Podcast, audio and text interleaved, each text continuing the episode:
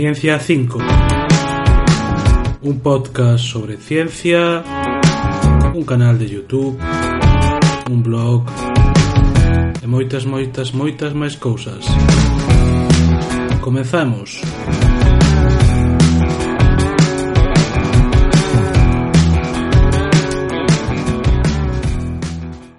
Ola, boas. Outra semana máis, xa rematando o ano. Bueno, antes de se me olvide, non se vai pasar despois eh, moi feliz fin de ano e comezo do seguinte, que teñades un magnífico 2020. E nada, vou seguir logo co libro que estábamos a ler. Este libro chamase Historia do Tempo, do Big Bang, os buratos negros, e seguimos co libro de Hawking.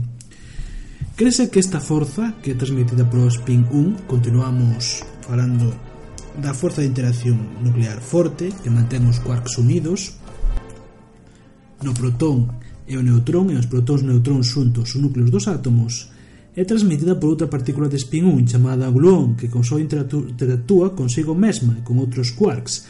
A interacción nuclear posee unha curiosa propiedade chamada confinamento. Sempre liga as partículas en combinacións tales que o conxunto total non ten cor. Non se pode ter un único quark aillado, polo que tendría, tería un cor vermello, verde ou azul. Polo contrario, un quark vermello ten que xuntarse con quark verde e outro azul por medio dunha corda de gluóns, vermello máis verde e máis azul igual a blanco. Un triplete así constituye un protón ou un neutrón. Outra posibilidade é un par consistente nun quark e un antiquark, vermello máis antivermello, verde máis antiverde, azul máis antiazul, máis blanco. Tales combinacións forman as partículas coñecidas como me mesóns, que son inestables porque o quark e o antiquark podense aniquilar entre sí producindo electróns e outras partículas. Similarmente, o confinamento impide que teñan gluóns aireados, porque os gluóns en sí tamén teñen cor. En vez delo, un ten que ter unha, unha colección de gluóns cuyos colores se sumen para dar a cor blanca. Esta colección forma unha partícula inestable chamada glubol, bola de gluóns. O feito de que o confinamento e imposibilita a observación dun quark ou dun gluón aillados podería parecer que, que se convirte nunha combustión metafísica, a noción mesma de considerar os quarks e os gluóns como partículas. Sin embargo, existe outra propiedade de interacción nuclear forte chamada libertad asintótica que fai que os conceptos de quark e de gluón estean ben definidos. A enerxías normais, as interaccións nuclear forte é verdadeiramente intensa e une os quarks entre sí fortemente. Sin embargo, experimentos realizados con grandes aceleradores de partículas indican que as altas enerxías a interacción forte faise moito menos intensa e os quarks e os gluóns compórtanse case como partículas libres. Na figura, 5. na figura por 5.2, que non podedes ver, hai unha fotografía dunha colusión entre un protón de alta enerxía e un antiprotón. Nela producíronse varios quarks case libres, cuyas estelas deron lugar aos non sei como chamar, ese chorros ou así propulsións ou la, así figuras que se ven na fotografía que non podedes ver, repito. O éxito da modificación das forzas electromagnéticas nucleares débiles produxo, produ, produciu perdón, un certo número de intentos de combinar estas dúas forzas coa interacción nuclear forte, o que se chamou teorías de gran unificación ou TG, TGU. TGU, perdón. Dito nome é bastante ampuloso, as teorías resultantes nin son tan grandes nin están totalmente unificadas, pero non, pois non incluín a gravidade Nin sequera hoxe realmente existen teorías completas porque conteñen un número de parámetros cuyos valores non poden deducirse da teoría, sino que teñen que ser elexidos de forma que se asusten aos experimentos. Non obstante, estas teorías poden constituir un primeiro paso cara a unha teoría completa totalmente unificada.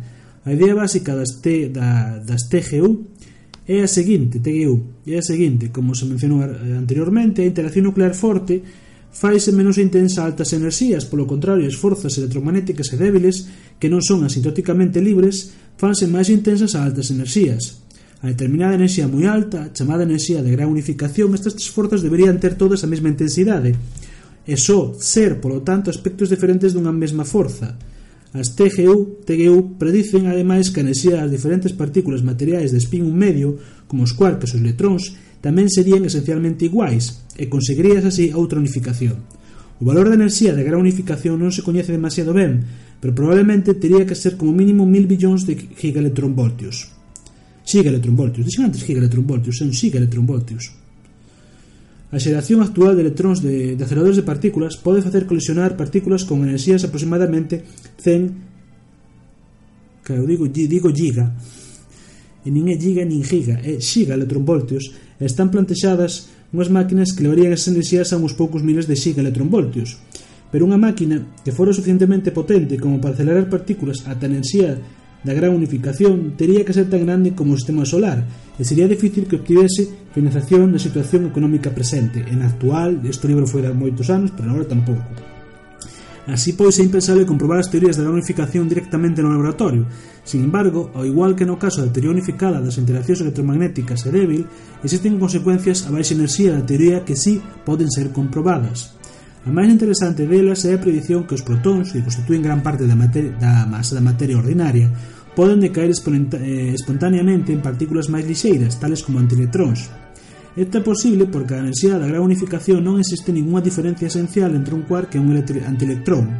Os ter quarks que forman o potrón protón non ten normalmente a enerxía necesaria para poder transformarse en antielectróns, pero moi ocasionalmente algún deles podría adquirir suficiente enerxía para realizar a transición, porque o principio de certidume implica que a enerxía dos quarks dentro do protón non pode estar fixada con exactitude. O protón decaería entón. A probabilidade de que un quark gane enerxía suficiente para esa transición é tan baixa que probablemente teríamos que esperar un mínimo de un millón de billóns de billóns de anos un seguido de 30 ceros. Este período é máis longo que o tempo transcorrido dende o Big Bang, que son uns mero, uns mínimos, uns poucos 10.000 millóns de anos, aproximadamente un seguido de 10 ceros.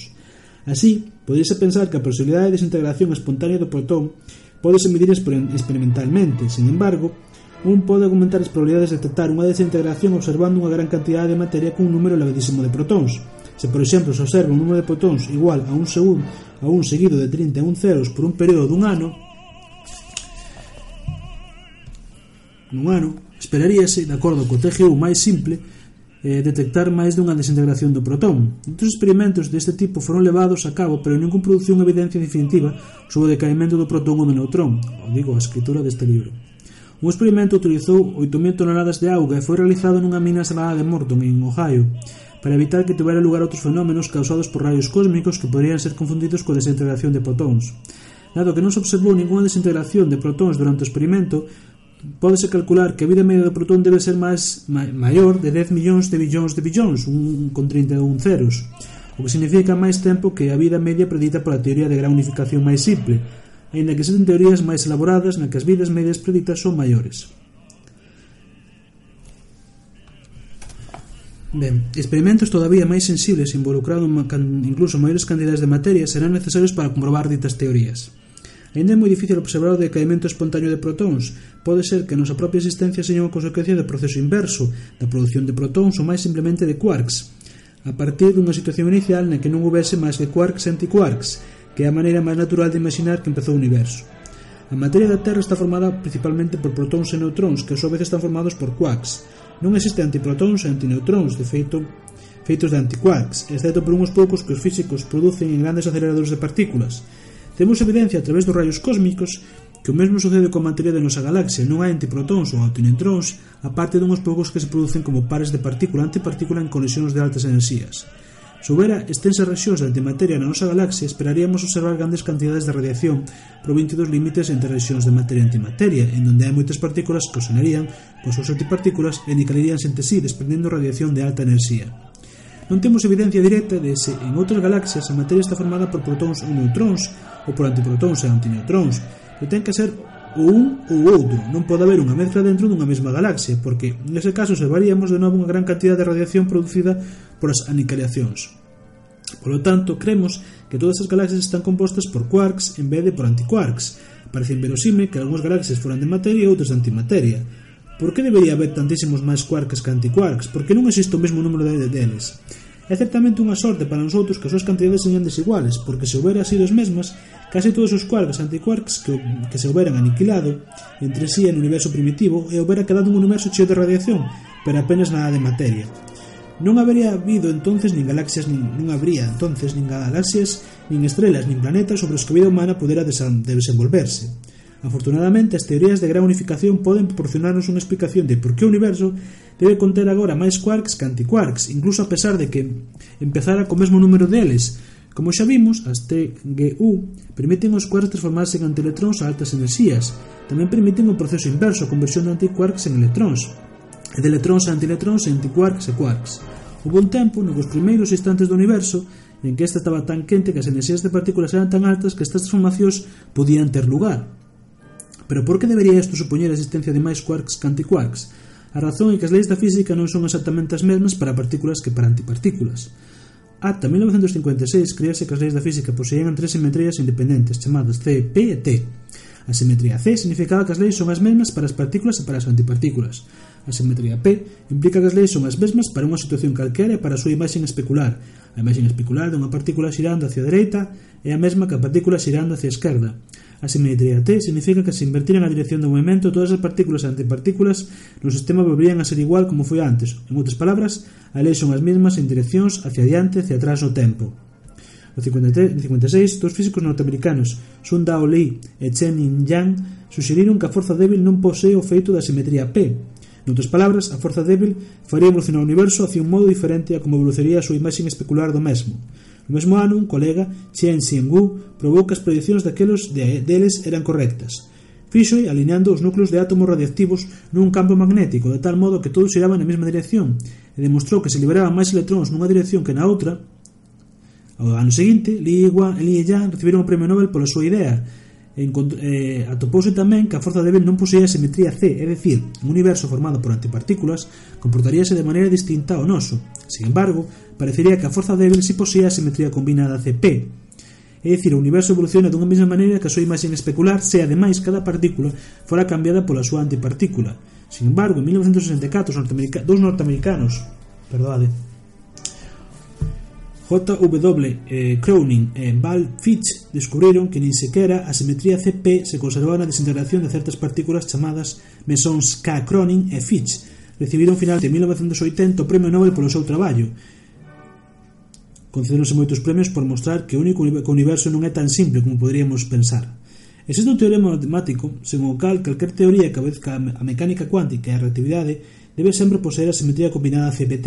En outras palabras, o universo teria que ser con, teria que se comportar igual se reemplazan as partículas por antipartículas. Se toma a imaxen especular e se inverte a dirección do tempo. Pero Cronin e Fitch probaron que se se reemplazan as partículas por antipartículas e se tome imaxen especular, pero non se invierte a dirección do tempo, entonces o universo non se comportaría igual. As leis da física teñen que cambiar, polo tanto, e se se invirte a dirección do tempo non posúe pois a simetría T. Certamente o universo primitivo non posúe simetría T. Cando o tempo avanza, o universo expándese. Se o universo retrocedera, o universo nos eh, contraerí, contraerí, contra, sufriría unha contracción. E dado que as forzas non poseen a simetría T, podría ocurrir que conforme o universo se expande, as forzas converteríanse máis eh, convertería máis electróns en quarks que electróns en antiquarks. Entón, expandirse en frías universos, antiquarks aniquilaríanse cos quarks, pero como habería máis quarks e antiquarks, quedaría un pequeno exceso de quarks, que son os que constituen a materia que vemos hoxendía, en a que estamos feitos. Así, a nosa propia existencia podría ser vista como unha confirmación das teorías de gran unificación, aínda que só fora unha confirmación únicamente cualitativa. As incertidumes son tan grandes que non se pode predecir o número de quarks que quedarían despois da aniquilación, ou inclusive se os quarks ou os antiquarks os permanecerían, se houbera, se houbera un exceso de antiquark sería o mesmo, pero, veríamos, pero teríamos que chamalo antiquarks, os quarks e os quarks ou antiquarks. As teorías de gran unificación non incluen a forza da gravidade, o cal non importa demasiado, porque a gravidade é tan débil que os seus efectos poden normalmente ser despreciados cando estudiamos partículas ou átomos. Sin embargo, o feito de que sexa a vez de largo alcance, de largo alcance, longo alcance, perdón, e sempre atractiva significa que os seus efectos se suman Así, para un número de partículas materiais suficientemente grandes, forzas gravitacionais poden dominar sobre todas as demais. Por ello, a gravidade determina a evolución do universo, incluso para obxetos de, gran, de tamaño dunha estrela. A forza atractiva da gravidade pode dominar sobre o resto das forzas e facer que a estrela colapse. O traballo de Hawking nos anos 70 centrouse nos buratos negros que poden resultar dun colapso estelar e aos intensos campos gravitatorios existentes ao seu redor, Foi isto o que o conduxo ás diferentes pistas de como as teorías da mecánica cuántica e da relatividade xeral podrían relacionarse entre sí. Unha, unha, unha chega de, da forma que tería unha futura teoría cuántica da gravidade. Buratos negros. Os buratos negros teñen un orixe moi recente. non Foi acuñado, o termo me refiro, foi acuñado no 1969 polo científico norteamericano John Wheeler, como a descripción gráfica dunha idea que se remonta fará, fará cara atrás un mínimo de 200 anos, unha época na que había dúas teorías sobre a luz, unha preferida por Newton, que supoñía que a luz estaba composta por partículas, e outra que asumía que estaba formada por ondas. Hoxe en día, Sabemos que ambas que as dúas teorías son correctas debido á dualidade onda-corpúsculo na mecánica cuántica. A luz pode ser considerada como unha onda ou como unha partícula, e na teoría de que a luz está formada por ondas nunca daba claro como respondería esta ante a gravidade. Pero sí, Pero, pero, si no, pero se a luz está composta por partículas, poderías esperar que estas foran afectadas pola gravedade, mentres do mesmo modo que son as balas, os cohetes ou os planetas. Sin embargo, ao principio, pensábase que as partículas de luz viaxaban con infinita rapidez, de forma que a gravidade non houbera sido capaz de frenalas, pero o descubrimento de Roemer de que a luz viaxaba a unha velocidade finita significou a que a gravidade podera ter un efecto importante sobre a luz. Nesta suposición, o catedrático de Cambridge John Mitchell escribiu no ano 1783 un artículo en Philosophical Transactions of the Royal Society of Londres no que se inhalaba que a estrela que fora suficientemente masiva e compacta tería un campo gravitatorio tan intenso que a luz non podría escapar. A luz emitida dende a superficie da estrela sería arrastrada de volta cara ao dentro, cara, de, cara ao centro, pola atracción gravitatoria da estrela, antes de que podera chegar moi lonxe. Mitchell suxeriu que podría haber un gran número de estrelas deste tipo, a pesar de que non seríamos capaces de velas porque a solo a luz, a súa luz, non nos alcanzaría, se notaríamos a súa atracción gravitatoria. Estos obxetos son os que hoxe día chamamos buratos negros, xa que estos precisamente son o que son, furados negros no espacio. Unha suxerencia similar foi realizada uns anos despois polo científico francés eh, Marqués de Laplace Eh, parece ser que independentemente de Mitchell, resulta bastante interesante que Laplace solo incluíra esta idea na primeira e na segunda edición do seu libro, o sistema do, o sistema do mundo, e non incluíra nas edicións posteriores. Quizás decidiu que se trataba dunha idea disparatada, e que ter en conta tamén que a teoría da corpuscular da luz caeu en desuso durante o século XIX, parecía que todo se podía explicar con teoría ondulatoria, e de acordo con ela non estaba claro que a luz se a luz sería afectada pola gravidade. De feito, non é realmente non é realmente consistente tratar a luz como balas na teoría da gravidade de Newton, porque a luz a velocidade de luz é fixa, unha bala disparada hacia arriba dende a Terra iráse frenando debido á gravidade e finalmente parará e caerá un fotón, sin embargo, debe continuar hacia arriba con velocidade constante.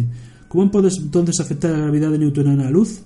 Non aparece unha teoría consistente como a gravidade afecta a luz ata que Einstein propuxo a relatividade xeral en 1915 Incluso entonces tuvo que transmitir moito tempo antes que se comprenderan as implicacións da teoría acerca das estrelas masivas. Para entender como se podía formar un burato negro, temos que ter certos coñecementos acerca do ciclo vital dunha estrela. Unha estrela formase cando unha gran cantidade de gas, principalmente hidróxeno, comeza a colapsar sobre si sí mesmo debido á súa atracción gravitatoria. Conforme se contrae, os seus átomos empezan a colisionar entre sí, cada vez con maior frecuencia e maiores velocidades, o gas quentas. Co tempo, o gas estará tan quente que cando os átomos de hidróxeno choquen, xa non, haberá, xa non saldrán eh, rebotados, senón que se fundirán formando helio. O calor desprendido pola reacción que é como unha explosión controlada dunha bomba de hidróxeno fai que a estrela brille. Non eh, se brille. Este calor adicional aumenta tamén a presión do gas ata que este é suficiente para equilibrar a atracción gravitatoria e o gas deixa contrae, de contraerse. Parece, en certa medida, un globo, Existe un equilibrio entre a presión de aire de dentro que trata de facer que o globo se enche e a tensión da goma que trata de disminuir o tamaño do globo. As estrelas permanecerán estables desa forma por un, longo, por un longo período de tempo, eh, coa calor das reaccións nucleares equilibrando a atracción gravitatoria. Finalmente, sen embargo, a estrela consumirá todo o seu hidróxeno e os outros comburentes, combustibles nucleares. Prácticamente, ou prácticamente, se paradoxicamente, canto máis combustible posee unha estrela ao principio, máis pronto se acabará. Isto débese que canto máis masiva é a estrela, máis quente ten que estar para contrarrestar a atracción gravitatoria, e canto máis quente está, máis rápido utiliza o seu combustible. O noso Sol ten probablemente suficiente combustible para outros 5.000 millóns de anos aproximadamente, pero estrelas máis masivas poden gastar o seu, todo o seu combustible en tan solo 100 millóns de anos. Moito menos que a idade do universo. Cando unha estrela eh, se, quedase sin combustible empeza a enfriarse, polo tanto, a contraerse. O que pode suceder a partir dese aumento só empezou a entender a final dos anos 20. En 1928 un estudiante graduado indio, Subraham, eh, Subra, Subrahmanyan Chandrasekhar, embarcouse hacia Inglaterra para estudiar en Cambridge co astrónomo británico Sir Arthur Eddington, un experto en relatividade xeral. Segundo as fontes, un periodista dixo a Eddington, ao principio dos anos 20, que oíra que había só tres persoas no mundo que entenderan a relatividade xeral. Eddington fixo unha pausa e logo replicou, estou tratando de pensar que é a terceira persoa. Durante a súa viaxe dende a India, Chandrasekhar eh, calculou o grande que podía ser unha estrela de que fora capaz de soportar a súa propia gravidade, unha vez que houbera gastado todo o seu combustible. A idea era a seguinte, cando a estrela se reduce a un tamaño, as partículas materiais están moi cerca unhas doutras, e así de acordo co principio de exclusión de Pauli, teñen que ter velocidades moi distintas, moi diferentes. Nesto faise que se alonxen unhas de outras, o que tende a expandir a estrela. Unha estrela pode, polo tanto, manterse cun radio constante debido ao seu equilibrio entre a radiación e a gravidade e a repulsión que surde do principio de exclusión da mesma maneira, maneira que antes a gravidade era compensada pola calor. Cardo deuse conta, sin embargo, de que existe un límite a repulsión no principio de exclusión que pode proporcionar. A teoría da relatividade limita a diferencia máxima entre as velocidades das partículas materiais da estrela e a velocidade da luz, Isto significa que cando a estrela fora suficientemente densa, a repulsión debida ao principio de exclusión sería menor que a atracción da gravidade. Chandrasekhar calculou que unha estrela fría, fría, fría, fría, estrela, unha estrela fría, de máis de aproximadamente unha vez e media a masa do Sol, non sería capaz de soportar a súa propia gravidade. Esta masa se coñece hoxendía co límite de Chandrasekhar. Un descubrimento similar foi realizado case ao mesmo tempo polo científico ruso Lev David, eh, Davidovich Landau, Landau Todo isto ten serias implicacións no destino último das estrelas masivas. Se unha estrela posee unha masa menor co límite de Chandrasekhar, non sei se pronuncia ben, eh, Chandra secar, pode finalmente cesar de contraerse e estabilizarse nun posible estado final, como unha estrela enana blanca, cun radio dunhos poucos miles de kilómetros e unha densidade de decenas de toneladas por centímetro cúbico. Unha enana blanca, unha enana blanca, sosténse pola repulsión debido ao principio de exclusión entre os electróns de materia. Podes observar un gran número de estrelas enanas blancas Ananas Blancas, unha das primeiras que se descubriron foi unha estrela que está xirando ao redor de Sirio, unha estrela, a estrela máis brillante no ceo nocturno. Landau sinalou que existía outra posible estado final para unha estrela, tamén cunha masa límite de unha ou dúas veces a masa do Sol, pero moito máis pequena incluso unha que unha nana blanca. Estas estrelas manteríanse gracias á repulsión debido ao principio de exclusión entre neutróns e protóns, en vez eh, del entre electróns. Chamouse por eso estrelas de neutróns. Terían un radio de uns 15 km aproximadamente e unha densidade de decenas de millóns de toneladas por centímetro cúbico. Na época en que foron preditas, non había forma de poder observalas, non foron detectadas realmente hasta moito tempo despois. Estrelas con masas superiores ao límite de Chandrasekhar teñen polo contrario un gran problema cando se acaba o combustible. En algúns casos consideran explotar. O fan arreglanse ou amáñanse para desprenderse da suficiente materia como para reducir o seu peso por debaixo do límite, evitar así un catastrófico colapso gravitatorio pero é difícil pensar que isto ocurra sempre, independentemente do grande que seña a estrela. Como podría saber a estrela que teria que perder peso, incluso se todas as estrelas se amañaran para perder a masa suficiente como para poder evitar o colapso, que sucedería se se engadira máis masa a unha enana blanca ou unha estrela de neutrones de, man de maneira que sobrepasara o límite? Colapsarías alcanzando unha densidade infinita? Eddington asombrouse tanto por esta conclusión que eh, rexeitou creerse o resultado de Chandrasekhar. Pensou que era simplemente imposible que unha estrela pudera colapsarse e convertirse nunha, nun punto. Este foi o criterio da maioría dos científicos. O mesmo Einstein escribiu un artigo no que sostiña que as estrelas non poden encollerse ata un tamaño nulo.